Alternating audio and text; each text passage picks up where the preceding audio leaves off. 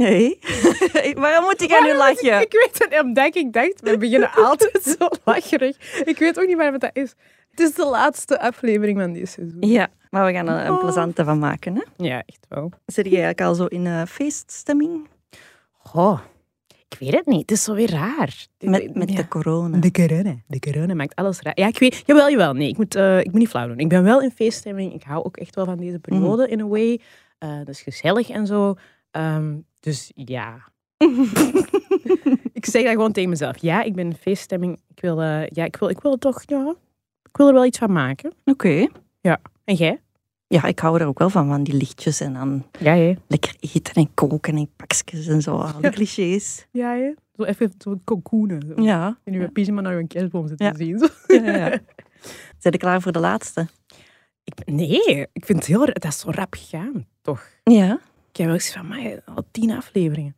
Ehm, maar, jawel, jawel. Maar Eh, we ik- hebben wel een heel leuk, een heel leuk thema, hè? een format eigenlijk meer. Ja, dat is waar. Een van onze eh, luisteraars had gezegd, ik zou het tof vinden als jullie een Ask Me Anything deden. Ja. Eh, dus we hebben via Instagram en via mail en eh, nog andere kanalen jullie vragen ehm verzameld. Ja. En die gaan we vandaag beantwoorden. Yes. Zin in. Jij wel zin. Dit is Keihard. Hey. Een podcast waarin we keihard onszelf zijn. Ik ben Josephine Dalemans. En ik ben Dalila Hermans. En in deze podcast gaan we het hebben over dingen waar wij heel veel van vinden. Keivaag. Soms huge. Echt waar. Soms klein, Alleen zalig. Soms heftig. Oef. soms funny Soms dicht bij ons. Bij mij werd er altijd gemeld. en soms ook helemaal niet. Dat moet ik echt afblijven. Wauw. Maar altijd real. En nu word ik gecanceld. Zonder schaamte. Maar dat gaat jij dom klinken nu. Ongefilterd. Keihard. Jij het, jongen. Jij heet... eh, Oké, sorry, sorry, sorry, sorry, sorry.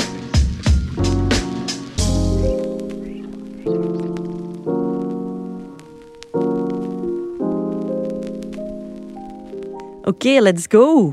Ja, vliegen we er dan gewoon in? Of, of hoe doe je dat? Ja, ik heb, ik heb dus de vragen verzameld en een beetje ingedeeld volgens, volgens thema. Hè, want Ja. er waren verschillende vragen. Ehm, en wat, viel, wat mij opviel, waren dat er veel over de podcast zelf eh, gingen. Dus echt over hoe maak je een podcast en dit en dat. Oké, dat is Dus we zullen die misschien eerst doen. Ja, dat is Huh? goed. Eh, dus ja, de belangrijkste natuurlijk die veel mensen vroegen was, eh, komt er een volgend seizoen? ik denk dat we dat mogen zeggen. Ja, hè? tuurlijk. Ja, tuurlijk komt Ja. een tweede seizoen. Ja. Deze was veel te tof. Die kunnen, we can't stop now. hè. Nee, nee. dus er komt een tweede seizoen, waarschijnlijk in het voorjaar. Ja. Eh, we hebben nog geen echte startdatum, maar Nee. eh, ja, we mikken wel voorjaar. Hè? Ja, dus, eh, als, als alles loopt zoals het moet lopen, zoals we willen dat loopt, dan ergens, ja, voorjaar 2022 zijn we terug. Hè? Dat is eigenlijk al gewoon over een paar maanden. Hè? Ja, het is dat. Dus nee, er komt zeker een, een, een volgend seizoen. En ik hoop dat, er dan, eh, dat iedereen dat nu luistert, dan ook luistert. En, en nog nieuwe mensen. Ja. Oké. En dan hebben we Raf, die ken je ook, hè? Ja. En Raf vraagt, nemen jullie alles rinkaneen op? Dat is denk ik ook een van de campen. Dat is zeker een van de camp, ja. Nemen jullie alles rinkaneen op, met dan een beetje montage, of is het echt zwaar knip- en plakwerk? Eh, we nemen alles ringkaneen op. en daarna gaat Ella erdoor en haalt hij onze meest onnozel dingen er... Nee, nee maar eigenlijk zo- de meest onnozel blijven blijven staan, ja. Maar zo de, ja, als, als we eens een keer eh, niet goed te verstaan waren, of, ehm, of als we tussendoor eens naar het toilet moesten, wel eens op een Of iemand moest hoesten, of iemand Dus- stoot iets om. Ja, Of, ja. of iemand doet een heel lange uitweiding die absoluut niet ter, ter zake doet. Ja. Dan knippen we dat zo, soms ook wel uit. Ja, dat gebeurt wel. Maar eigenlijk is het toch, ik denk van ehm, eh, hoe lang dat wij opnemen is meestal een goed uur. Een dik uur, ja. En wat dat jullie te horen krijgen is meestal 50, 50 minuten of zo. Dus heel veel wordt er niet eh, weggeknipt. Ehm, en ik vind dat tof zo. Ja. Dat, ik wil ook dat, want we hebben heel, altijd gezegd van in het begin, we gaan keihard ons eigen zijn, we gaan keihard eerlijk zijn. Ehm, en ik vind ook dat zelfs met die kleine montage dat we doen, dat blijft wel gewoon heel eerlijk ons gesprek en waar, waar we het over hadden. Mhm. En, ehm, dus nee, er wordt, en er wordt ook nooit iets aan de chronologie aangepast. Het is niet bijvoorbeeld dat we zo, ah, dat we echt dingen gaan liggen Nee. switchen omdat het dan een beter Nee. antwoord was of zo. Nee, het is echt, ja. Het is rink aan één met wat... What you hear is what you get. Ja, ja. Amai, dat is veel woorden om gewoon dat te zeggen. oh nee, als ik dat bij elke vraag zou gaan doen. oh, Gewoon ja-nee vragen. Vanaf nu alleen ja-nee. Misschien mag gewoon ja-nee vragen. Oké. Eh, de volgende gaat niet meer ja-nee antwoorden. Nee. Wat zijn jullie favoriete podcasts? Vraagt Ellen. Eh, ja, wat zijn die van nu? Ja, eigenlijk moet ik toegeven dat ik niet zo heel veel podcasts luister. Wat? Gênant, gênant. Blasphemy. Ja, nee, nee. eh, ik heb wel zo die ene die ik echt, echt, echt heel grote fan van was, die van ehm, Dolly Parton. Eh, was dat Dolly World? Ik weet het al niet meer. Maar dat was echt een heel toffe. Oké, tof. Eh, ik luister wel veel naar podcasts, maar niet naar veel verschillende. ik Mhm. luister gewoon naar een paar die heel lang zijn. En die, dus ik, eh, ik luister heel, naar elke aflevering van The Most, van Dominique Zeemana. Ehm, niet alleen met een vriendin van mij, maar ik vind ook echt keigoed. Die doet zo heel diepte interviews met mij allemaal mensen uit ehm, zo fashion en, en zo'n werelden ja, zo, die ik heel eh, interessant vind, maar waar ik eigenlijk niet zo heel veel over weet. Ehm, dus die luister ik altijd. En dat zijn gesprekken dat soms toch wel ja, bijna twee uur kunnen duren. Dus allee, dat is gewoon dat Zo neem- lang. Ja, En wanneer heb je daar tijd voor? Ik, Ik snap zit dat niet. uren van mijn leven op het openbaar vervoer. Ah. Ja. Eh, en ik luister naar eh The Black Guy Who Tips. Ehm, ik heb daar denk ik al over... Nee, niet hierover gebeld. Maar in ieder geval, dat is mijn favoriete eh, podcast eh, internationaal. Dat is een, een koppel, een eh, zwart koppel uit ehm, South Carolina in de States. ehm, die gewoon met elkaar babbelen. Het is een getrouwd koppel, maar die zijn kei grappig. Ehm, en die hebben zo een hele coole eh, kijk op wat er in... Zo, zo, wat, die bespreken gewoon het nieuws en events en zo, maar die hebben daar zo'n heel frisse kijk op, dat Mhm. ik soms echt denk van, ah, ik wacht echt ook, ook tot ik hen heb gehoord, vaak om zo mijn eigen interpretatie van wereldgebeurtenissen te maken. Dan, Mhm. dan wacht ik echt, ah, iets gebeurt in de States of zo, dan wacht ik tot zij erover hebben gebabbeld, zodat ik beter begrijp wat ik zelf... Maar dat zijn ook afleveringen van, van over de twee uur soms. Dus... ehm, ja, dan schiet er niet zo heel veel over. en eh, ik moet wel zeggen, ehm, het gaat misschien verrassend zijn, maar ik luister in de auto ehm, naar eh, Nigel Williams. Is Ja, zo- ja. ja, die comedian. Die heeft een, een podcast dat echt maar tien minuten of zo duurt, een kwartiertje, dat hij elke dag eh, met een, een microfoon in zijn keuken opneemt. Ik weet het, want ik heb er ooit één keer in gezeten. die heeft mij ooit één keer als gast gevraagd. Maar dat is, is echt eh, heel grappig. Eigenlijk klaagt je veel en is zo'n beetje een grumpy old man. Dat weet hij van zijn eigen, ik mag dat zeggen. Ehm, en ik ben daarnaar beginnen luisteren, omdat Willem in het verkeer heel veel zaagt in de auto, denk ik. Ja, maar ik heb geen rijbewijs, hè, dus ik kan er ook niks van zeggen. Ik zit gewoon ge- gegijzeld naast zo'n grumpy young man. Dus ik dacht, ehm, oké, deze kan ik niet meer af. Dus dan ben ik die podcast beginnen opzetten in de auto. En dan kon hij gewoon zo meeknikken met Nigel. Ja, ja. Alles is stom. Ehm, en dat is intussen zo wat een, een ritueel geworden. Dat, ik- en dat is keigrappig, want ik vergeet dat soms zelf. Hè. Dan zitten we in een auto en dan zijn we gewoon muziek aan het luisteren. En opeens zegt, voel ik van, ah ja, het is feeling of zo. En dan vraagt hij zelf, zet nog eens een Nigel op. En dan, dus ehm, ja, dat zijn zo wat de drie dat het meeste passeren. Ehm, maar ik heb er nog wel zo, dus ik, ga er nog over Anders nadenken. moeten we die... Ja, die Want moeten ik heb ook show ik denk, denk, nu ook nog wel een paar, maar ik zal, we zullen die allemaal in de show notes zetten. eh, uit Nederland luister ik ook. Dus nee, inderdaad, dat, moet, dat is iets voor in de show notes, want anders ga ik hier te lang bij deze Ja. vraag blijven plakken. Yves vroeg nog wel, hè, dus Yves, de man die eh Ask Me Anything eh, aanraadde, hebben jullie de podcast De Plantage van mijn voorouders gehoord? Maar ik heb die niet gehoord, dus Ik ik, kan niet. niks over zeggen. Nee, niet. Yves, we gaan die opzoeken en we gaan die ook in de show notes zetten. Ja, en ik ga die ook luisteren dan. Ja. Eh, Ilse die vraagt, weten jullie op voorhand wie wat gaat zeggen en hebben jullie een bepaalde rolverdeling? Dus hebben we eigenlijk een, een vast script om aan vast te houden? Ehm, een beetje wel. Allee, we bespreken wel op voorhand, want we gaan het daarover hebben. Allee, ja. en eh, als er een gast komt, denk ik mee. Ja, dan- dan, dan bespreken we echt wel van wie, gaat, vragen, ja, ja. wie gaat welke vraag stellen, wie gaat inleiden. Eh, maar dat kan dan ook tijdens een gesprek veranderen. Ja. Ehm, ik ben... Ik vind het altijd handig als jij vragen aan mij stelt. Dus ik dwing u soms wel wat in die positie.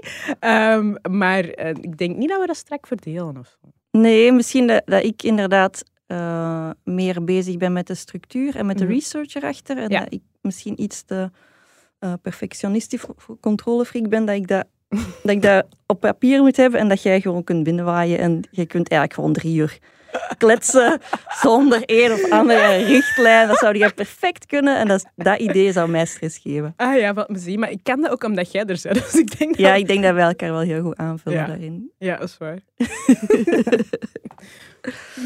Ehm, ook een vraag van Yves over eh, aflevering 5, die eh, over klimaatactivisme ging. Ehm, dus Yves vraagt, jullie gingen googelen bij welk goed, goed tool met betrekking tot klimaat jullie konden aansluiten. Hoe is dat afgelopen? Ja, dat was in aflevering 5. Ja. toen hadden wij eh, milieuactivist eh, Arno. Arno, Kemping. Ja. En toen zeiden we achteraf van ja, we gaan ons aansluiten, want eh, activisme, dat doe je best samen. Ehm, en wij gingen dat inderdaad googlen. Heb jij dat gedaan? Ik heb dat gegoogeld ehm, en ik ben eigenlijk nog altijd aan het twijfelen. Hoe, Dus vertel? Ja, omdat een paar mensen hadden mij eh, eh, bijvoorbeeld Extinction Rebellion, Rebellion, ja. aangeraden, maar eh, ik weet niet of ik daar al klaar ben. En ik moet dat zo nog een beetje, want die zijn ook wel heel... Allee, ik weet dat niet. Het moet ook zo wat passen bij mij of zo dan. Ehm, ik ben ehm, wel mee een van de ondertekenaars van de klimaatzaak geworden. Ehm, en ik ben zo nog wat aan het zoeken welke andere dingen zo meer lokaal dat ik kan, Ja, steunen. Dus ehm, ik moet eerlijk toegeven dat ik ook wel... Dat ik, ik heb gegoogeld en ik was geïnspireerd. En ik ga er ook nog... Ik ben blij dat een Yvonne er even terug aan herinnert. Want het is echt wel zo een goed voornemen of zo. Ik ga dat zeker doen. Maar ik heb nog niet concreet een, een lidkaart. Ja. En jij? Ja, ik, ja, ik, heb, ja, ik volgde ook al wel Extinction Rebellion en zo. Ehm, dus daar wel, de klimaatzaak was ik al lid van, maar ik heb daar terug actief mij meer zo terug in verdiept en ook zo nog gesponsord, want die hadden nog een oproep Ja. gedaan. Maar ik ben ook, ehm, ik heb me op de wachtlijst gezet voor Grondsmaak en dat is een, ehm, een zelfoogstboerderij bij ons in de buurt. Dus je moet daar een Ah. abonnement kopen met je gezin. Ja. En dan kun je daar van maart tot oktober, denk ik, eh, zelf je groenten gaan, eh, gaan plukken. Eh, maar je moet ook wel mee, aan mee op het land werken. Oké. En die hebben ook een zelfplukboerderij waar je bloemen mocht gaan plukken. Ik heb er al van gehoord. ja, zo van die veldbloemen en zo. En Ja. dat lijkt me wel heel leuk. Maar dat is dus, ja, omdat dat zo populair is, dat is helemaal volzet. Maar ik sta nu wel op de wachtlijst en ik hoop dat er dan in het voorjaar een plaatsje komt. Alright, als ze meeluisteren. Ja. Het is plek voor shot. Dus Yves, we hebben wel degelijk ons, huiswerk gemaakt. Maar ja, ik, dat was wel even nodig. Zo, dat, Ja. Die podcast was nodig, want dat zat altijd wel van, ja, ik ga dat doen. En dan, eh, en dan waren er andere dingen in het leven die op de voorgrond kwamen. Maar toch, toch een, een goede reminder. Ja. Ja, ook zo... ehm, eh, omdat ik zo qua voeding en zo hè, daar nog niet zo ver in sta. Ik ben daar, daar ook weer veel bewuster mee bezig sindsdien. Dus Mhm. er, er is altijd wel... Er is zeker wel van alles blijven plakken. Aan je Arno. Ah ja, nog één vraag in deze categorie. Ja. Doe jij maar. Ehm, dus eh, eh, Koen vroeg... Welk onderwerp raakt jullie zelf het hardst? Of is er misschien zelf iets waar je niet over wil praten? Hmm. Tum, tum, tum. Eerste, eerste vraag. Ja. Ehm, van, degene, ja, van degene die we hebben gedaan dan, Ja. neem ik aan. Eh, bij mij, die van Ish, denk ik toch wel. Ja, dat was, Ehm. dat was heel persoonlijk. Voor ons ook al heeft dat misschien, is dat misschien raar, omdat we daar iets minder zelf zeggen, maar dat is wel iets heel persoonlijk. Hè? Ja, omdat dat, ja, dat, dat- hij praat ook over dingen waar wij zelf heel hard tegenaan hebben gelopen. En dat was ook op een moment, ja, ik ga dat gewoon eerlijk zeggen, dat ik echt niet goed in mijn vel zat. Mm. En heel hard aan mezelf aan het twijfelen was. En ook aan het twijfelen was aan wat, ga ik nog doen. En in deze sector blijf ik op muren lopen. En mijn zelfvertrouwen was echt weg. Mm. Eh, en ik had ook zo ja, angsten en zo om, om to put yourself out there again, om weer een idee te gaan pitchen, om weer afgewezen te worden. En dat gesprek met, met, met Ish heeft wel echt, echt deugd gedaan. Dat was echt zo'n beetje ja, zelf op mijn ziel of zo. Ja. Maar bij u ook, hè? ja, bij mij ook. Dus ik, ben, ik, ik twijfel heel hard tussen die of ehm, die over vriendschap en racisme, omdat dat voor mij echt een gesprek was dat ik eigenlijk al heel lang had moeten hebben met iemand of zo. Ehm, en omdat ook de reacties die daarop zijn gekomen, bij mij, eh, die zijn bij mij heel hard binnengekomen. Ja. Zo heel veel mensen die echt zo zeiden van, amai, dit, dit, is, e- dit is echt heel helpful en ik voel deze ook. En ehm, ja, dus ik, ik twijfel tussen het gesprek met Ish en wat dat gesprek zelf betekende op die moment. Ja. En dat gesprek over vriendschap en racisme en wat dat betekende achteraf. Ah ja, oké. Dus, maar er zijn eigenlijk veel dingen die mij Ja. hard hebben geraakt. Want uiteindelijk met Charlotte ook. En, Ja. mijn- en, en die van Are the Straits oké? Hoeveel Ja, mensen dat mij... To this day krijg ik dus Exact. memes doorgestuurd van mensen die zo... Ah, weer dat is van jullie podcast. Ja, Ja. exact bij mij ook. Die van Ja. Are the Streets Oké. En, en zelfs over die van... Eigenlijk krijg ik over bijna elke aflevering nog wel reacties. Dus ze, ze- ik vind ze, allemaal, ze zijn allemaal bijzonder, maar zo puur emotioneel is Mhm. het voor mij ehm, zo 7 en 9 dat het diepst zijn gegaan. Ja. Ja, die onderwerpen liggen ook het dichtst bij u, hè? Ja, ja. Ja. Ja, goeie vraag wel. Ehm, ja, en dan de tweede vraag van Koen. Ehm, is er misschien eh, zelf iets waar je niet over wil praten? Hm. Ja, ik denk het wel. Ik denk dat ik niet zo open over seks zou durven Ik praten. ging dat echt ook zeggen. En ik dacht, hè, maar, ik, maar omdat ik denk, dacht dat jij dat juist wel nog rapper zou doen. Of beter zou En kunnen. waarom denk je dat? Ik weet dat niet. Eh. Omdat jij, ik weet niet, omdat wij er vroeger in- met Charlie misschien wel veel over, over Ja, seks maar jij toch ook? Over seks? Ja. Maar ik heb gebabbeld, maar ik bedoel geschreven en zo. Dat ah, bedoel ik. En dat ik zo heb een ook aantal niet van... over seks geschreven. Nee, maar we hadden toen wel zo het idee van we gaan dat bespreekbaar maken. Ah, en, ja, en snapte, ja, we hebben daar best wel veel over gepubliceerd. En, allee. Ehm, Maar ik denk, nee, in seks in het algemeen, daar durf ik wel echt over praten en zo. En over de orgasmekloof en al die dingen. Maar over mijn persoonlijk seksleven, daar zou ik precies minder durven. Ook al, omdat je dan ook over je partner praat. hè. Voilà. En, maar is, dat is zelfs niet durven, dat is meer ik wilde eigenlijk Nee, gewoon ja. niet. Ik heb echt zoiets aan, er is, al, er is heel veel dat ik zo Exact. openbaar Ja. maak, maar sommige dingen zijn ook wel echt gewoon van mij.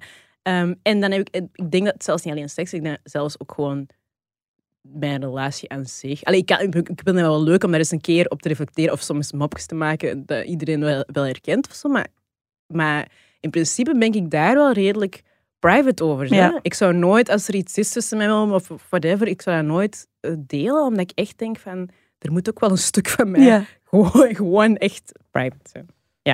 Maar het is niet eh, dat er iets mis is hè, met over seks praten. Want Nee, dat is juist keigoed dat dat, keigezond. gebeurt vandaag. Hè. Ja. Ja. Maar, Ja. maar dat is dus... Nee, nee. Nee. nee, nee. Voilà. Eh, Nu hebben we daar precies like, te lang over doorgegaan, dat mensen zo dingen gaan Volgens denken. mij doen die vieze dingen in bed. Wie weet. Wie weet. Ah, wel, Je zult het nooit niet weten. Exact.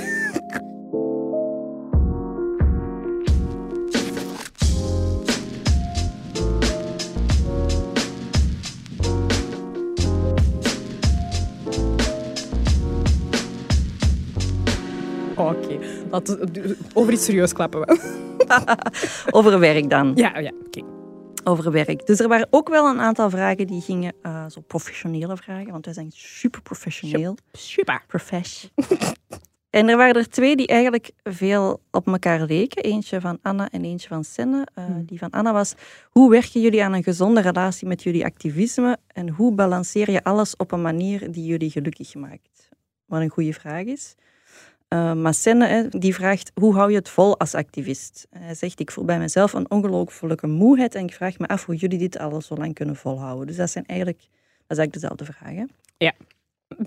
Wat is uw antwoord? Nee, doe jij eerst maar. Ehm, het probleem is dat ik niet vind dat ik een gezonde relatie heb met mijn activisme. Dus het is moeilijk om dat... Ah, om, om, om advies te geven. Ja, omdat Ja. ik zit van, hoe balanceer je alles op een manier die jullie gelukkig maakt? Ja, niet. Dat is een constante evenwicht. Dat is echt is problematisch. Ik, dat is niet... Allee, ik, ik ben heel hard op zoek naar een manier om dat, om dat in balans te houden. En natuurlijk heb ik wel een paar trucjes om het eh draaglijk... De manier waarop dat ik aan activisme doe, hè, daar hebben we het al over uitgebreid over gehad in de, eh, in de tweede aflevering. Dus de, en, en hoe dat ik mezelf bescherm voor sommige dingen, dat allemaal wel.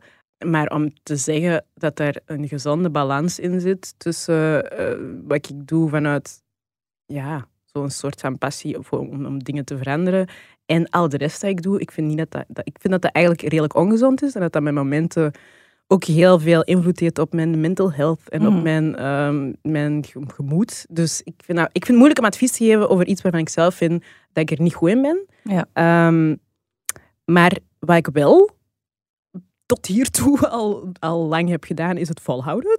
dus, dus op scène zo'n vraag kan ik Op iets beter. tandvlees. Op mijn tandvlees. Eh, nee, hoe houdt het vol? Ehm, eh, eh, ja, ik ben denk ik nu zo'n zo'n zeven jaar of zo actief bezig met, met, met, met ja, actief, actief bezig met activisme. Een pracht van een zin. Maar eh, om het gewoon even op flessen te trekken. Ehm, en ik denk dat de, de, de reden waarom dat je dat volhoudt, is omdat, je, omdat ik wel, hoe, hoe klein dat ze soms ook zijn, veranderingen zie. Mhm. Ik denk van het moment dat ik nimmer zou zien dat er iets goed gebeurt of dat er een mentaliteitswijziging is bij sommige mensen of zo, dan zou het ook gedaan zijn. Maar elke keer als ik, ehm, al, ik zeg maar iets onnodig, dat ik een lezing ga geven en dat je, of, of zelfs een spreekopdracht doe voor iets redelijk commercieel of zo, er is altijd één iemand in die zaal waarvan Mhm. ik weet, die persoon gaat anders naar buiten dan dat hem is binnengestapt. En ook al had ik dan misschien heel veel moeite gedaan voor zo, dat, dat is wel iets, dat is wel iets bijzonders. Mhm. Ehm, het idee hebben dat je, dat je mensen verandert of dat er dingen bougeren omdat jij die moeite hebt gedaan, dat is wel dat is een heel fijn gevoel dat ik denk dat je dan ook alleen maar kunt hebben als je, als je dat doet. Het is Mhm. moeilijk om uit te leggen zelfs wat dat met je doet soms. En, en, en soms krijg je berichtjes die, die maar heel klein zijn of zo, maar waar ik een dag goed van kan Ja. gaan rondlopen. En dus dat is een belangrijke reden om het vol te houden. En ook zo ehm, af en toe ook daar wat vanaf te stappen. Allee, ik, ben ook niet, ik ken mensen die echt heel diep in ehm, zo de cause leven of zo de Mhm. hele tijd. En ik denk dat ik daar wel wat geluk heb dat ik ehm, jonge kinderen heb en, en, en een, een job outside of this. Hè. Ik- Bijvoorbeeld die cursiefjes, dat is, helemaal, dat is helemaal iets anders en zo. En mijn theaterstuk eigenlijk ook, dat ik af en toe ook wel gewoon eruit mag stappen. Ja. En dat ik niet heel, ik moet niet, ik sta niet op en ik ga niet slapen met I have to change the world. met zo elke stap van een dag, dat houdt niet vol. Maar als, je, als, ik dat, als ik dat af en toe kan doen en daar, allee, dus ik denk dat dat zo wat trucjes zijn om het vol te houden. En wat ook wel heel hard helpt, is gewoon met mensen erover praten die hetzelfde Ja. meemaken. Ik bedoel, dikwijls dat we tegen elkaar daarover kunnen babbelen, maar ook met andere mensen waarvan ik weet dat die ongeveer in hetzelfde schuitje zitten. Eh, ik doe dat met Senna trouwens eigenlijk ook wel los van, van deze, deze vraag nu. Ehm, dat helpt ook, denk Ja. ik. Gewoon ook erkennen van, dit is een heel rare manier van leven soms. En, Mhm. eh, en je moet daarover kunnen ventileren. Ja. Geef, nu jij een goed advies dan. Maar dat zit dan in. Ja, ik weet ook niet of ik de juiste persoon... Want ik ga weer hetzelfde zeggen als wat ik denk ik in aflevering 2 heb gezegd. Want toen Mm. hebben we het over performative activism gehad. Ja. Hè? Dus als je die aflevering nog niet hebt geluisterd, eh, Anna, dan zou ik aanraden om die ook te beluisteren. Is, ik voel mezelf geen activist. Ah, Ik Mm. heb kunstschool gedaan. eh, ik, ik voel me meer een mediamaker of een schrijver. En ik neem wat ik wil veranderen in de wereld mee in mijn werk. Maar ik ben niet iemand die eh, petities start of betogingen start of op de barricade gaat staan. Eh dat niet. Eh, ik weet ook niet of je dat moet zijn om een activist te zijn. Dus ehm, ja, ik denk dat dat voor mij een manier is om het vol te houden. Dat ik mezelf eerder als schrijver of mediamaker zie. En ook wel misschien met de jaren heb mijn verwachtingen naar beneden gesteld. Was zoals jij zegt, blij worden van de kleine dingen die je verandert. Ik ben echt ontzettend dankbaar voor alle positieve berichten die ik heb gekregen na hè, met Charlie te doen of na mijn boek of nu op deze podcast. Dat zijn echt de, de motor waarom dat ik verder blijf doen. Ja. Dat is echt waar. Eh, Zo'n berichtje van één of twee of drie zinnen, dat, dat doet echt veel. Omdat je ziet dat wat dat je doet en wat dat je zegt impact heeft op Ja. mensen. Dus dat is echt heel belangrijk. Dus daar trek ik mij aan op. En ehm, ja, mensen die grote dromen hebben, die willen dat alles heel snel verandert. Maar soms moet je ook beseffen van dat gaat nooit zo snel veranderen als dat je dat wilt. En dat is kei pijnlijk, hè? Mm. Maar misschien dat je daar beter je verwachtingen in bijstelt, want anders ga je elke dag teleurgesteld worden. Elke keer als er iets verkeerd gaat lopen en er gaan elke dag dingen verkeerd blijven lopen, dan gaat dat voelen als een, ja, een kaakslag in je gezicht. En dan ga je weer een dag of een paar dagen of een week knock-out liggen. En dan moet je jezelf weer oprapen en dan ben je juist helemaal terug aan, ja, ik ga er tegenaan en dan gebeurt er weer iets shitty. En dat is geen manier van leven. Nee. Nee, hè? Nee. Sorry, ik moet gewoon lachen omdat dat is wel een beetje hoe dat we leven, toch? Nochtans. Allee, minder hè, minder als vroeger. Ja. Maar ik kan nog, ik kan nog altijd wel heel ehm, van slag zijn van zo de setbacks. Ja?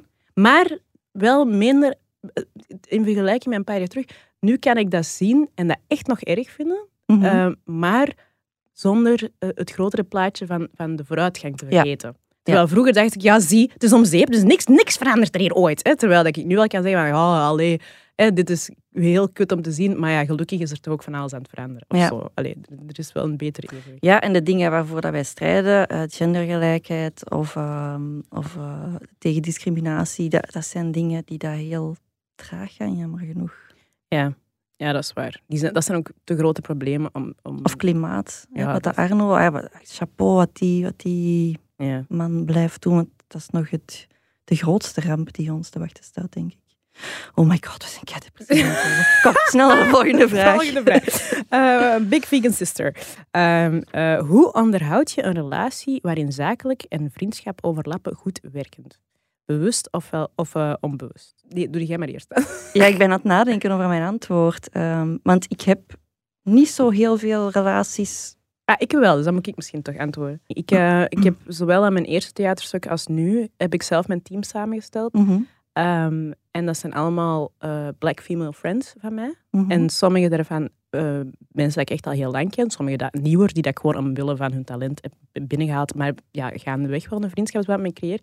Ehm, En wat ik bijvoorbeeld... En, ja, natuurlijk, dat is, ook, dat is nog anders als... Want wat wij hier doen, dat we zijn compleet like, equal eh, partners. Terwijl, ja, dit zijn, dat zijn mijn projecten waarvoor ik mensen vraag om aan mijn project te werken. Waardoor dat je toch een soort baas vers, zo die verhouding krijgt. Eh, maar wat ik heel bewust heb gedaan, zowel bij de eerste stuk als bij het tweede nu, is eh, vanaf dag één ehm, de budgetten open en bloot gemaakt. Gezegd, Mhm. dit is wat ik verdien. Mhm. Ehm, dus dat weet je ook, op de cent. Eh, en dit is wat we jullie kunnen aanbieden. Eh, als er daar iets niet duidelijk was of we vonden dat het te weinig was, ben ik ook degene die daarover is gaan onderhandelen bij de huizen. Ehm, gewoon om ze te laten zien van... Ik, ik zie u als, als een volledig gelijkwaardige partner. Ik ga u ook ver- ik ga u vergoeden voor wat je doet. Eh, dat heeft niks met onze vriendschap te maken. Dit is geen vriendendienst dat je mij moet doen of zo. En dat helpt, want daardoor kan ik ook dingen vragen aan hen. Ik zou het heel moeilijk vinden om bijvoorbeeld aan een, aan een, tegen een vriend te zeggen van ik vind het ambetant dat je te laat was of dat je er niet bij was of Mhm. zo. Terwijl als je een heel duidelijke afspraak hebt, financieel en zakelijk, en dat stuk is afgerond, Ja. dan is dat niet raar om dat te moeten zeggen. Snap je wat ik bedoel Ja. een beetje? Uh, niet, dat ik dat, niet, dat, niet dat dat nodig is of dat ik zo'n raar, raar mens ben, dat dat zo kei enel wordt, maar gewoon duidelijke afspraken, zeker ook financiële, en die eerst maken voordat je al de rest doet, Mhm. vind ik wel een goede basisregel of zo om met vrienden samen te werken. Ehm, en ook gewoon eh, af en toe dingen doen die daar los van je, van uw werkproject staan. Ik, moet, ik wil ook wel nog gewoon met die mensen eh, af en toe eens een pint gaan drinken of af en toe eens gaan eten of zo. We moeten niet alleen maar nu daarmee bezig zijn. Ik wil ook Ja. weten hoe is het met je lief en hoe is het met de Ja. kleine mannen en zo. Ehm, dus ik denk dat dat zo... Ik denk wel dat dat gaat zo, met de juiste mensen. Ga ook wel niet met iedereen, denk ik. Nee, nee. En je moet ook, je moet ook eerlijk... Er moeten mensen zijn waar je volledig eerlijk tegen kunt zijn. Ja. En dat gaat dat gaat gewoon sowieso niet met iedereen. Zelfs niet met heel goede vrienden. Sommige mensen zijn gewoon gevoelig aan bepaalde dingen. Ik weet ook met welke vrienden dat dan bijvoorbeeld echt niet zou lukken. Omdat Ja. onze persoonlijkheden gewoon te hard zouden clashen. Ja, of misschien een project dat voor u super, super belangrijk is en op prioriteit 1 of 2 staat, maar voor die vriend op prioriteit 6 of 7. En dan ga je ook Ja. conflicten krijgen. Hè? Ja, zeker als dat niet duidelijk is van in het Ja. begin. En als dat duidelijk is voor u, dan gaat dat. Maar als jij verwacht dat die persoon dat ook op ehm, prioriteit 1 zit, Ja. en die persoon doet dat niet, of andersom, dan, ja, dan zitten we met Ja. ambetante gevoelens. Ja, dat is waar. Dat is waar. Maar ik, ik heb dat ooit zo gelezen van eh, never work with friends and family. Terwijl ik, doe eigenlijk, ik doe dat eigenlijk veel. Willem bijvoorbeeld ook, hè, die werkt bij mij. Ehm, en wij werken samen aan projecten. En dat is mijn man. En dat is soms wel, hè, ik zeg het, er zit ook wel wat uitdaging, maar eigenlijk werkt dat juist beter. Ik, ik vind dat juist heel leuk om samen te werken met mensen dat ik zo goed vertrouw, dat ik ook kan twijfelen en kan Mhm. schrappen en opnieuw kan beginnen en zo. Zeker in creatieve processen is dat wel heel belangrijk en zou ik dat heel moeilijk vinden als ik heel de tijd moest bewijzen van ik, ik kan dit hoor, ik ben een professional. Alleen dat zou, mij, dat zou mij creatief belemmeren. Dus ik, ben, ik vind dat juist leuk om samen te werken met mensen dat ik ook een persoonlijke band mee heb. Ja. Ehm, de volgende vraag is, ik, ik hoop dat ik het juist uitspreek, want dat is Jousen of Ja, Jason? Jason, denk ik. Maar ehm, je, je spelt het als Jousen. Eh, op Instagram die eh, had gevraagd, ik merk soms dat mijn gedachten afdwalen naar 2024. Zijn jullie daar al mee bezig en hoe dan? Ja, ik ben ik er toch wel vaak mee bezig. Ik heb, eigenlijk. ik heb angstdromen daarvan. Echt? Ja, paniekaanvallen. Echt waar. Dat is, echt, dat is misschien wel het ding waar ik nu het meeste mee bezig ben. Echt? Ja. Ik ben, ik, ik ben echt... ehm, maar dat is misschien ook omdat ik op, op verschillende manieren, misschien ook wel door de vrienden dat ik heb, zo, maar altijd heel dicht bij de politiek heb gestaan. Ik Mhm. volg dat echt ook wel een beetje. En ik weet ook wel hoe dat die dingen werken of zo. En ehm, wat er staat te gebeuren is echt zo scary. En het is nog enger om te merken dat niemand dat lijkt door te Mhm. hebben. Ehm, want bij de vorige verkiezingen waren we al bijna in mijn, mijn worst case scenario. Mhm. Eh, nee, ik kan er echt, ik kan er echt s'nachts van wakker worden. Damn. Ja.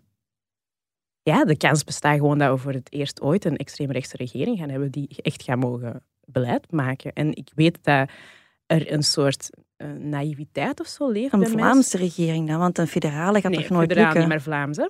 Maar er leeft een soort naïviteit bij mensen dat dat dan even lastig gaat zijn Mm. en dat ze dan wel door de mand zullen vallen. Terwijl ik denk van, je wilt niet weten wat, voor schade dat je kunt maken. aanrichten op een korte tijd. Dat is, gaat jaren duren om te rebuilden.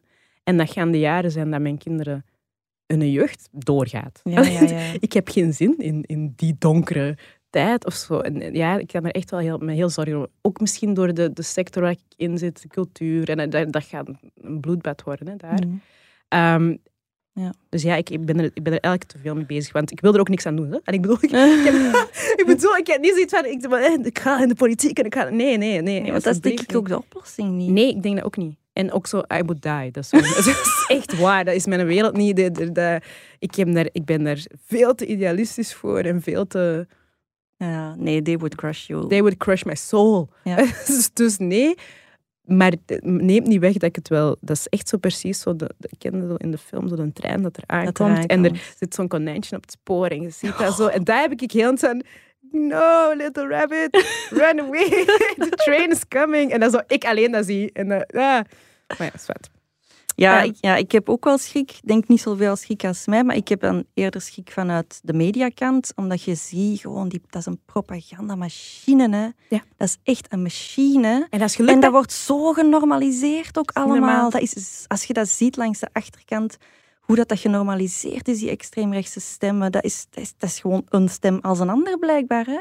Nee. Eh, Dus het doemscenario waarvan dat iedereen vroeger dacht, nou, ze zijn echt aan het nee, overdrijven, nee, nee, is nee, nee, gewoon nee, nee. al bezig. Als je een klein beetje je onderzoek doet, Ja. En, En- ik zit, wij zitten ook ja. te veel, allee, ik toch misschien, maar jij ook, hè, te veel, wij kennen te veel mensen die dat onderzoek doen. ja, ja, die dat En daar die in de echt, eh, trenches zitten ja, en ja, Ja, en die die echt daar gewoon... undercover gaan en Ja. die dat fake nieuws proberen volgen en zien hoe dat gemaakt en verspreid wordt. En dat is een geoliede machine. En daartegenover is er niet veel weerwerk.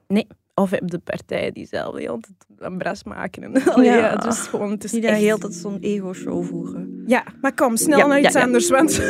ja, oké.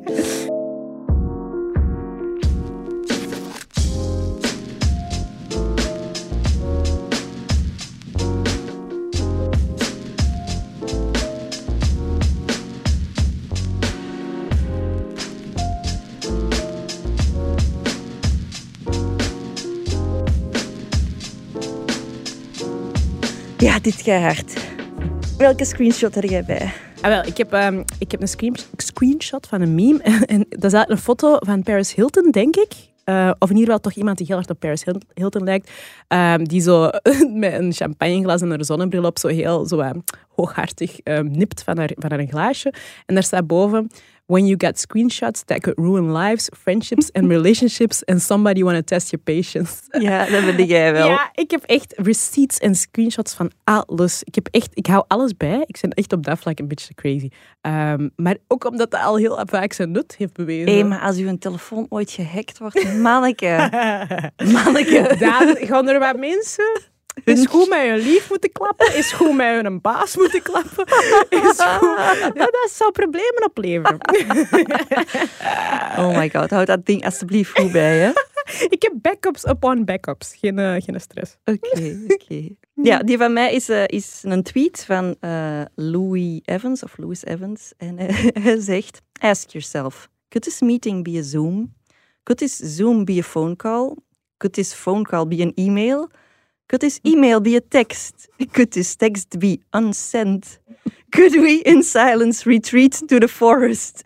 Could we, by game trials and forgotten paths, vanish into the trees? yes, yes we could. And we all should. Ja. Zalig. Oh, ja. Ik wil ook in uh, silence retreaten to the forest. Ja, maar hè? misschien dat het wat warmer is, niet, niet in de Nee, nee, winter. nee, nee, nee, nee. Hey, klaar voor eh, de tweede helft? Yes. Yes, yes, yes.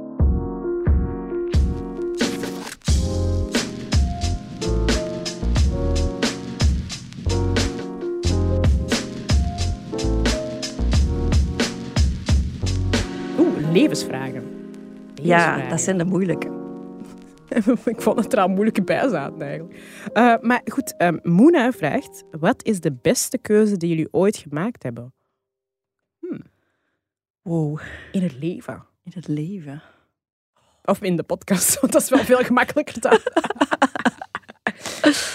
Goh, in het leven, ik denk dat dat dan toch altijd wel zo de basisdingen zijn. Ehm, ja, mij is dat wel- de, de keuze ja. van uw man en, Ja, en kinderen krijgen. En, Ja. Ja. Ik ben wel heel blij dat ik zo jong mama ben geworden. Ik ook. Dus ik was 25, nee, zes- juist 26 toen ik eerst mijn eerste kind had. En mijn tweede heb ik voor mijn dertigste gekregen. Hm. En die zijn nu groot. En ik heb nu zoiets van, hela, mijn tweede jeugd kan beginnen, mannetjes.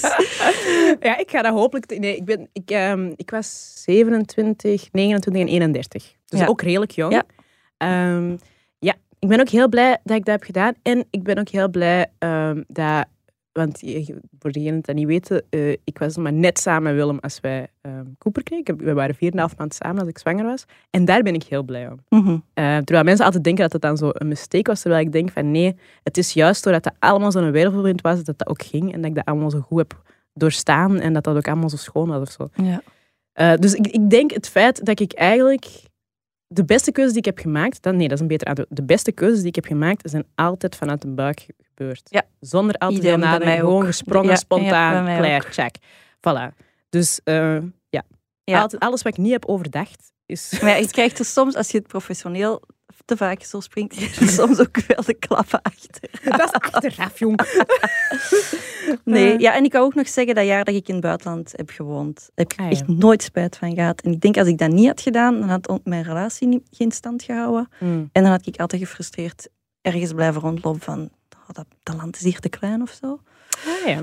Dus ja. ja, ik, heb niet, ik heb nooit zoiets eh, gedaan. Ik heb echt het gevoel dat mijn... mijn eh, ik, ben, ik heb Bill leren kennen als ik dan ehm, net nog 25, bijna 26 was. En daar, de jaren daarvoor waren bij mij wel heel hard struggelen en, en, en woelig of zo. Dus ik heb wel het gevoel dat de, streak aan goede keuzes pas daarna zo is begonnen. Ehm, maar ja, nee. Misschien ook wel... We hebben... ehm, ik vind ook zo de keuzes dat je elke keer opnieuw maakt. Zo de keuze om te blijven, als het even moeilijk is. De Mm. keuze om te investeren Mhm. eh, in jezelf, ook al zit je eigenlijk op je tandvlees of denkt van financieel is deze niet goed of zo. Zo dat, zo stick with your... ja, bij ja, die ja. buikgevoelkeuzes blijven en, en daar elke keer opnieuw voor blijven kiezen, dat vind ik ook wel goed. Dat, ik dat, dat ik dat heb gedaan. Ja. Dat is, een goed, dat, was al, dat is wel een leuk antwoord. Ehm, ah, nog van Moena dan, eh, het advies waarvoor je het meest dankbaar bent. Ehm, ik heb zo niet zo'n eh, Instagram-worthy inspirational quote. Ehm, maar ik denk zo advies, of ja, levensadvies dat ik van thuis uit heb meegekregen, of toch van mijn moeders kant, was... eh, ehm, ik heb het misschien al gezegd, mijn, mijn vaders kant was een vrij rijke familie, mijn moeders kant een heel eenvoudige familie. En ehm, die rijke kant van de familie woonde in grote huizen. Die hadden dure kleren aan, die hadden heel veel geld, maar die waren helemaal niet gelukkig. En zo dat plaatje kunnen doorprikken op jonge leeftijd al, zo, hè, dat de etalage, de mooie etalage, dat daar meestal heel veel miserie achter schuilt, heeft mij wel al veel geholpen. In Ja. het feit dat ik daar niet meer naar verlang, Mm. om veel geld te hebben, om een grote auto te hebben, om een chic huis te hebben. Ja. En om als, wanneer ik zie dat mensen dat wel hebben, om dat direct te doorprikken en te weten wat erachter zit. Ja. Of een, een schone Instagram-feed. Vaak denk ik, de mensen met de mooiste etalage hebben het meeste verbergen. Ja. Dat klopt Ja, dat is wel vaak. goeie. Ja, dat klopt Ja. inderdaad vaak. Niet altijd, maar wel vaak. Ja. Ja. Ah, wel, ik, ik, ik ben ook aan het denken, ik, bij mij komt het echt van, van ons mama. Eh, mijn moeder is een heel, ehm, een heel tof, also een heel warme, lieve vrouw gewoon. Dat is echt, die, dat is echt zo'n gever, maar zo erover bijna. Ehm, en altijd zo geweest. Dat is echt, ja, everybody loves her. En, ehm, maar omdat hij zo goed is eigenlijk, zo, te goed voor de wereld, je kent dat wel, Ehm, ja, dan, dan krijg je ook klappen, hè? want dat is, mensen maken daar misbruik van en zo. En, ehm, maar die heeft mij altijd gezegd, als er zo'n moment gebeurde, dat, er dan zo, ja, dat hij daar dan eigenlijk zo last van had, dan zei hij altijd dat je, je kunt beter te veel mensen vertrouwen. Het tegenovergestelde van wat iedereen zei. Ja, Als moeder heeft dat thema is, je kunt alleen maar jezelf ja, vertrouwen. wel, maar dat is dus wat ons vader zei, wat andere mensen en ons mama heeft altijd gezegd, je kunt beter, je kunt, het is altijd nog beter om af en toe met je neus, te, zo met je deksel op je neus te krijgen, dan om, om, om al, Wantrouwig ja, en om te alles te missen wat, dat je, wat dat Ah, je ja, terugkrijgt ja, van... ja. En ik denk dat ik wel, hoewel ik soms wel zo grumpy kan doen en zo wat kan ranten, maar dat ik dat advies wel ter harte neem, want anders kun je volgens mij wat ik doe ook niet doen. Hm. Want ik blijf altijd wel geloven. Dat, waarom ga ik nog altijd in gesprek met mensen die racistisch zijn? Omdat ik ergens altijd wil blijven geloven in, in het goede van de mens. Hm. En dat is ook waarom ik me er zo druk in maak dat het dan niet lukt. Hè. Maar ergens vind ik dat wel een schone manier van in het leven te staan. Van, ik geef mensen een kans en, en, en, en sluit je eigen al niet af op voorhand. Ja. Ehm, ja, dus ik, denk, ik weet niet wat dat het beste advies is, maar dat is wel hetgeen waar ik het meest dankbaar voor ben, omdat ik, denk, omdat ik denk dat dat wel mij heel hard heeft gevormd. Mhm. Dat is mooi. Ja, hè? Oh, ik mama is zo'n cutie pie. Ja, dat is echt schattig. die is ook zo fysiek schattig, zo'n kleintje. doen. en die luistert ook niet, dus ik mag dat allemaal zeggen. Ah. Eh Juri vraagt, ehm, zijn jullie op korte tijd al eens compleet van mening veranderd? Vind ik wel een hele leuke vraag. Ja. Ik denk, moet jij Ik heb wel iets, maar misschien wilde jij eerst? Of? Nee, ik moet nog een beetje denken. Oké, eh, ik, ik, ja, ik heb daar, toen ik de vragen aan het opstellen was, alles over kunnen nadenken. Ik vond dat een moeilijke vraag, want je verandert niet zo vaak heel snel op een paar dagen tijd compleet van meningen. Maar de ene keer dat ik dat wel had en echt nog kan herinneren, was toen die ehm, documentaire Cowspiracy uitkwam over eh, de voedselindustrie, ja, de, ja, de vleesindustrie. Mhm. Dan ben ik echt, ik heb daar echt s'nachts van wakker gelegen en de volgende dag heb ik gezegd van, oké, geen vlees niet meer dan. En dat was, dat was moeilijk, hè. Maar op een paar weken tijd heb ik wel echt mijn ja, voedingspatroon of dieet volledig eh omgeslagen. En daarvoor had ik eigenlijk eerder zoiets als vegetariërs op een feestje. En dan dacht ik, oh, doe dat is niet zo moeilijk. of komt niet zagen over dat dierenleed. Of als mensen die filmpjes doorsturen, dacht ik, oh, zeg mensen. Dus ik zat echt in het andere kamp van, oh, zeg, Dat was gewoon. Ja. en dan op een week tijd echt flap, nee, geen vlees, vies. Ik kan dat ook echt ook niet meer ruiken of zien. Dat is echt een lijk, een dierenlijk voor mij. Als dat in de ijskast ligt, als jongens eten nog zo beleg, vleesbeleg, dan is dat echt zo schelletjes dood dier. En dat is echt een stukje dierenlijk dat daar ligt. Ja. Ja. Ik heb die documentaire niet gezien. Ja, Dus Ah, wel, kijk ik durf nu niet meer. nee, ik ben, eh, ik ben zo'n flexitariër. Hè? Ja, ja. Ik eet ook weinig vlees, maar ja, toch. Ja, oké, nee. Dus ik heb dat daar, daar heb ik de grote eh, eh, shift nog niet gemaakt. Maar ehm, ah, wel, ik, ga, ik, ik, dat is een beetje touchy, omdat ik, omdat ik me schaam over hoe dat ik eerst niet mee was. Mhm. Hè? Dus ik ga even... ehm, Oké, gewoon eerlijk zijn. Ik denk dat ik helemaal in het begin, toen er ehm, in de media heel... Ja, toen dat LGBTQ-rechten meer en meer besproken werden, was er een soort ehm, tegengeluid within the black community over... eh, maar dat is dan meer vanuit Amerika, van... Eh, dat werd een beetje zo, die twee strijden werden wat tegen elkaar afgezet. Ja, zoals Dave Chappelle in zijn laatste Ja, show. maar, ja. maar ik heb het over jaren geleden. Ja. Dave is nogal, ik weet niet waar, I'm still riding the same wave, maar over dus heel veel jaren geleden, ehm, toen was het gesprek er ook wel al eens een keer. En ik, ehm, ik was toen denk ik eerder mee met, ja, inderdaad, hè, het is nu, hè, ik, denk dat ik, dat ik wel even in die, in die zo hotep-achtige zwarte het is now it's our time. En, en zo wat vergeten van, eh, hallo, eh, die mensen zitten ook in onze community. Wacht, maar kun je die, die, dat conflict een klein beetje meer uitleggen? Ehm, ik weet niet of ik dat goed kan uitleggen zonder dat ik, dat ik onvolledig ben. Ehm, maar er, er is een soort gevoel dat Mhm. heeft geleefd op Black Twitter. Ehm, een paar jaar, ik, heb- ik heb het over de opstart van Black Lives Matter in Amerika was 2013, 2014. Dat was toevallig ook de opstart van mijn eh, hele awakening en hoe dat, toen ik voor de eerste keer begon te spreken over racisme. Dus dat liep samen en dat was ook een beetje kruisbestuiving. Hè. Doordat ik dat allemaal las, begon ik dingen in te zien. Ehm, en toen werd er ook tegelijkertijd, was denk ik toen ehm, het eh, zo Gay Marriage ehm, Act ging er aankomen. En, en daar, daar opeens ah, kregen heel veel van de zwarte stemmen van, ja, maar het ging nu eindelijk over ons. Ah, ja, ja. Laat het, waarom, waarom zijn we daar weer mee bezig en waarom worden we weer, eh, eh, wo- wordt die strijd weer eerst gevoerd? En, en ja, ik heb dat zo even wel... Ik ben daar zo even in blijven hangen, totdat ik dan natuurlijk eh, logischerwijs eh, Mhm. black trans people begon eh, te volgen en begon te... En, en dat was dat ook direct, dat vanaf het moment dat ik iemand ehm, eh, zwart die vanuit de queer community daarover sprak, daarover hoorde, was ook direct klaar. Ja. Snap je? Maar ik moest dat wel even van hen horen. Of Ja. zo. En ik denk dat op dat vlak zo... Dat, dat gaat niet over zo grote, kei- grote switches zoals bij u, maar zo van mening veranderen als in... Ik ben wel iemand dat als je mij iets uitlegt en ik begrijp het, vind Ja. ik dat helemaal niet erg om te zeggen, oké, Ja. nu, nu snap ik dat, dus nu, hoeft, nu kan heel dat idee dat ik ervoor had ook wel weg. Ja, ja, ja. Ja. Ik denk wat dat jij had, dat ik dat heb gehad met wit feminisme. Dat ik Ja. ook feminisme heb leren kennen als het, hè, van het glazen plafond doorbreken en de topvrouwen moeten aan de top komen. Maar vergeten dat er een hele grote groep is van vrouwen van kleur die aan de bodem zitten en die zelfs niet in het gebouw binnen kunnen. Ik denk dat dat re- rechtstreeks uit uw voorstelling komt.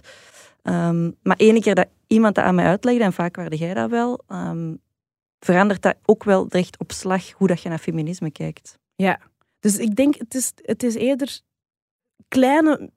Nee, het is eerder gewoon een, een nieuw idee. Ik neem heel makkelijk nieuwe ideeën aan. Mhm. Als ik ze ontdek en als if they make sense en iemand eh, legt het mij goed uit. En, dus dat vind ik niet zo moeilijk. En daarom dat ik het ook soms eh, raar vind dat andere mensen dat wel heel moeilijk vinden. Maar het is wel waar dat je zegt dat je zo compleet van mening verandert over iets. Dat, is, dat doe je op onze leeftijd niet meer veel. Nee, niet meer zoveel, hè? Nee. Nee.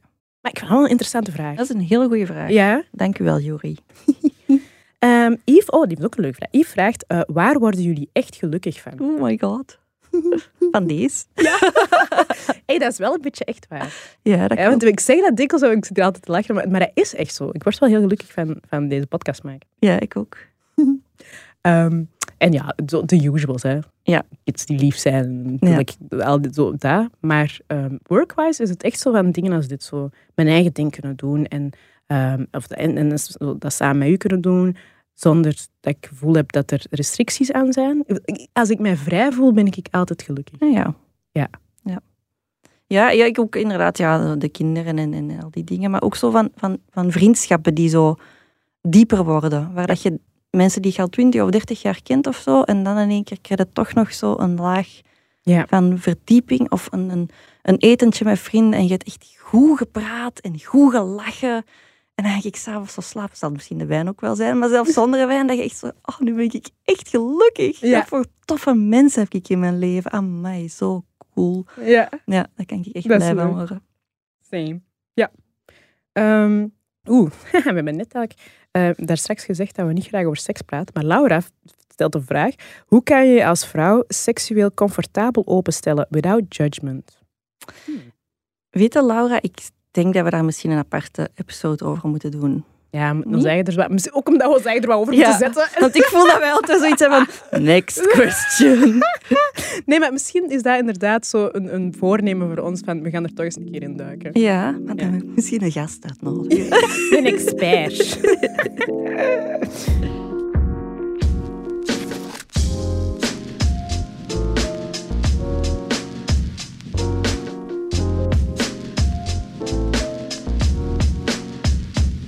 Oké, dan waren er ook nog een paar trivia-vraagjes. Mhm. Eh, bijvoorbeeld, ehm Frederike vraagt... Hoe ziet een slechte dag eruit voor jullie en hoe fix je die? Oei. Eh, nee, nee, ik ben het. Eh, ja, ik heb, ik had toevallig vandaag zo'n een, een wet van Murphy dagen. Dat is Ja. Ik ben openbaar vervoer weer kei moeilijk day en mijn period started en zo al die dingen samen. Ehm, maar nu zit ik hier, dus de dag is niet meer slecht. Voor mij, een slechte dag is als ik... ik heb van die dagen dat ik zo heel ongelukkig kan zijn door de staat van de wereld. Hè. Ik had Hmm. het al zelf, als ik zo van echt van die paniekaanvallen heb over 2024. Ehm, of bijvoorbeeld, eh, en de dagen dat ik dat niet kan lossen en niet, bijvoorbeeld de kindjes komen thuis van school en zijn lief, en, maar ik ben er nog altijd mee bezig, zo er is niks dat mij eruit kan trekken, dat zijn slechte dagen. Ehm, ik fix die meestal met een goed glas wijn. Dan moet je ook gewoon niet liegen over mijn eigen of zo. Ehm, eh, of door dat te delen. Ja. Ehm, maar er zijn ook dagen dat echt gewoon niet... Ik kan echt al een slechte dag hebben en gewoon slecht gaan slapen. Zo. Ja, ja, ja. Het is niet altijd... Het, het wordt geraakt niet altijd gefixt. Nee, dat klopt. Nee, als ik een slechte dag heb, dat is een hele goede tip. Kijk eerst naar uw kalender Ja. En zie of dat het niet aan je hormonen ligt. Want hoe vaak dat ik al heb gedacht oh my god, ik haat mezelf en niks lukt en ik ben zo'n loser. En dan kijk ik op mijn kalender op mijn telefoon. Ah ja, PMS. Sure, sure. Oef, het ligt niet aan mij, het ligt niet aan mijn leven, het ligt aan mijn hormonen. Eh, en dat valt, dan, dat valt dan mee. Dus dan is dat een makkelijke manier om het te fixen. Eh, en ja, en hetzelfde als, als jij zegt, eh, als je je echt slecht voelt. Ik ben ook wel iemand die dat eerder ehm, dan anderen gaat bellen of, of sturen of gaat wandelen met een vriendin. Ik zal niet rap alles op mezelf, eh, mezelf willen op, oppotten. Voor een tijdje wel, maar ik vraag wel redelijk snel om hulp, denk ik. Ah, Dat is wel goed. Hm, ik, dat is, gaat heel onnozel klinken en heel, ehm, ja, heel fout of zo. Maar ik denk dat ik dat nog sneller op social media deel. Ja, jij bent wel een deler, hè? Ja, maar net omdat dat voor mij makkelijker is Ah, dan... nee, dat zoek ik niet. Ik, niet. maar ik, ben, ik vind het heel moeilijk om mensen in mijn personal leven lastig te vallen. Eh, eh, Voor mij voelt dat heel snel als lastigvallen, terwijl dat niet zo is. Hè? Maar dat voelt voor mij heel snel zo. Ehm, dus dat doe ik niet. Terwijl, ja, ik heb daar zo een keigroot publiek van mensen die zo altijd bemoedigend zijn, heel vaak tips hebben, ehm, zich daar, daardoor juist goed voelen eh, met het idee dat ik eens iets deel, in plaats van dat ik het gevoel heb dat ik kan lastigvallen of zo, snapte. Dus ik, ik deel zo'n dagen, niet als het over personal stuff gaat natuurlijk, hè, maar zo'n van die dagen, ik zeg dat de wereld mij te veel wordt, ehm, helpt dat wel, om, ook omdat ik dan uh, bezig ben met de antwoorden daarop. Wat Ah, dat eigenlijk buiten mezelf ligt dan Ja, weer. ja. Dus ja, dat is ook Oh, wel een van mijn niet, als ik mij skills. slecht voel, dan ga ik echt niks delen. Ja, ik weet het. Daar zijn we echt tegenovergesteld in. Ja. Ja. Hey. Hey. Hey, eens. Whatever works. Ja. Wat is het grappigste dat je ooit hebt meegemaakt? Maar dat is kei moeilijk. Ja, dat is echt moeilijk. Ik vind wel een van de grappigste... Ik kan de grappigste foto vertellen dat ik heb, vind ik. Allee, doe. Op onze trouwdag is er zo'n foto en dat is precies zo'n een, een, klassiek schilderij. Dat, eh, dus wij zitten, wij zitten in het stadhuis van Borgerhout voor onze burgerlijke trouw, zo heel ja, deftig en zo. Hè. En, ehm, en we zijn zo ook heel geïnteresseerd aan het luisteren naar de ambtenaar. Maar Cooper was toen uh, anderhalf en die kon zo juist vast stappen. En die was, die was zo aan het rondlopen, maar iedereen dacht, oké. En ergens halverwege vond hij het saai. En die denkt zo... Ha, en die begint zo naar buiten te wandelen, die doet de deur open. En er is zo'n foto dat zo... Willem zijn groot... Zo, mijn grootouders... Zo, iedereen schiet zo recht voor die baby tegen te houden. En ik en Willem zijn zo aan het trouwen. Dan blijf ik Ja, echt een kinderen zetten nu wel met je voeten op de grond, hè? Ja, maar... Ja. Weet je, ik zal ook anders de grappigste foto... Allee, dat is ook wel een hele gênante foto. Vertel. Ik was. 12 jaar en ik ging mijn plechtige comedie doen. Maar ik was eigenlijk al een genderbender voordat dat woord eh, hip werd. Ik heb alle meisjes aan mijn klas deden hun plechtige communie in zo'n witte jurk met een bloemenkrans, eh kei mooi witte lakken schoentjes. En ik die, ik had een jeanssalopet, witte kousen en sneakers en pinnekeshaar. Zo van dat Filo Dino. Ja, ik weet het, dat is echt kei creepy. Ik, ja, echt zo'n zo iets tussen kind en puber in. En zo van, wie was uw stijlicoon? Want zelfs onder die salopet dan ook zo een hemdje met een patroon. Echt zo, was zo de verge van de 80s naar de 90s, zo die periode. Oh, it was bad. It was really bad. Maar dat is nog niet het grappigste. Dus wij staan vooraan eh, bij meneer Pastoor en mijn mama en mijn papa staan achter mij. En eh, meneer Pastoren vraagt, hè, want die moest dan het vormsel voltrekken. Ja. En die vraagt, eh en jongeman, wat is jouw naam? en ons moeder, die schiet keihard in de lach en die begint keihard te lachen. Ons vader, die geneert zijn eigen kapot. Dus die staat er te sterven. En ik sta er echt van, oh my god, deze sukt zo hard. En dat is de foto van mijn vormsel. Zalig. Dus dat was grappig, maar dat was ook een beetje gênant. Maar kijk, Zalig. Dan zijn we denk ik eh, aan, aan, onze, aan onze vragen. ge- Ja, ze zijn, we zijn er door.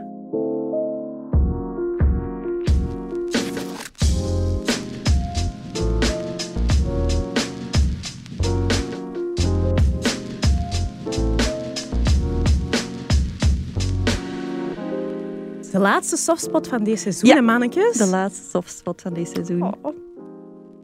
En it's a special one. Jij mocht aankondigen. Ja, het is grappig, want ik stuurde naar, naar, eh, naar u op Instagram een video van, van onze softspot. En jij had die ook pas ontdekt. Ja, Maar dat ja. is keihard dat we die pas zo laat ontdekt hebben, want eigenlijk hadden we die al veel langer moeten Maar- kennen. echt waar. Want alles, eh, ook als ik dan zo zag wie dat die allemaal volgt, zo raar dat er nog nooit op mijn, Mhm. niet eerder op mijn radar was gekomen. Ja.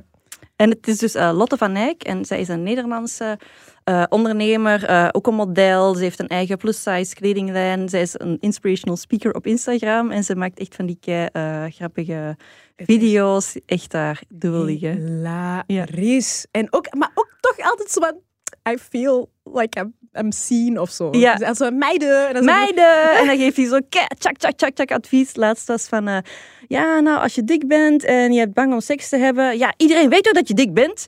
Als je naar de Albert Heijn gaat en je koopt een pak stroopwafels, zit een verpakking omheen. Maar je weet ook dat er stroopwafels in zitten.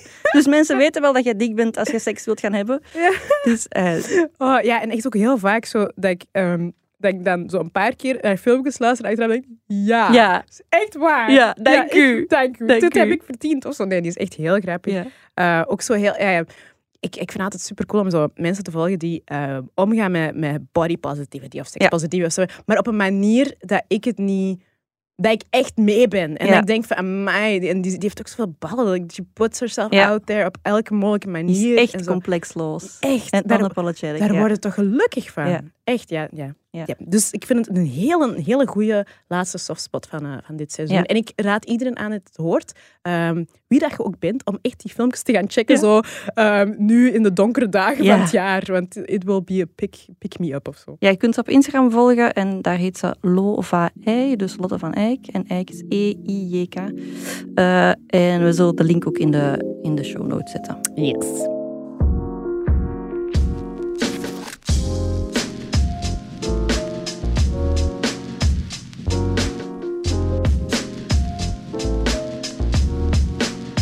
Oké, dat was het. Ja, maar dat moet misschien gewoon eh, heel cliché, maar gewoon iedereen ook zo prettige feestdagen Ja. wensen. Het is, het is de periode ervoor, hè? Ja, en gelukkig niet. hè. Oh, gelukkig niet, Een goede overgang. Dat we nog veel mogen mogen. Ja, dat pakken ze niet meer af.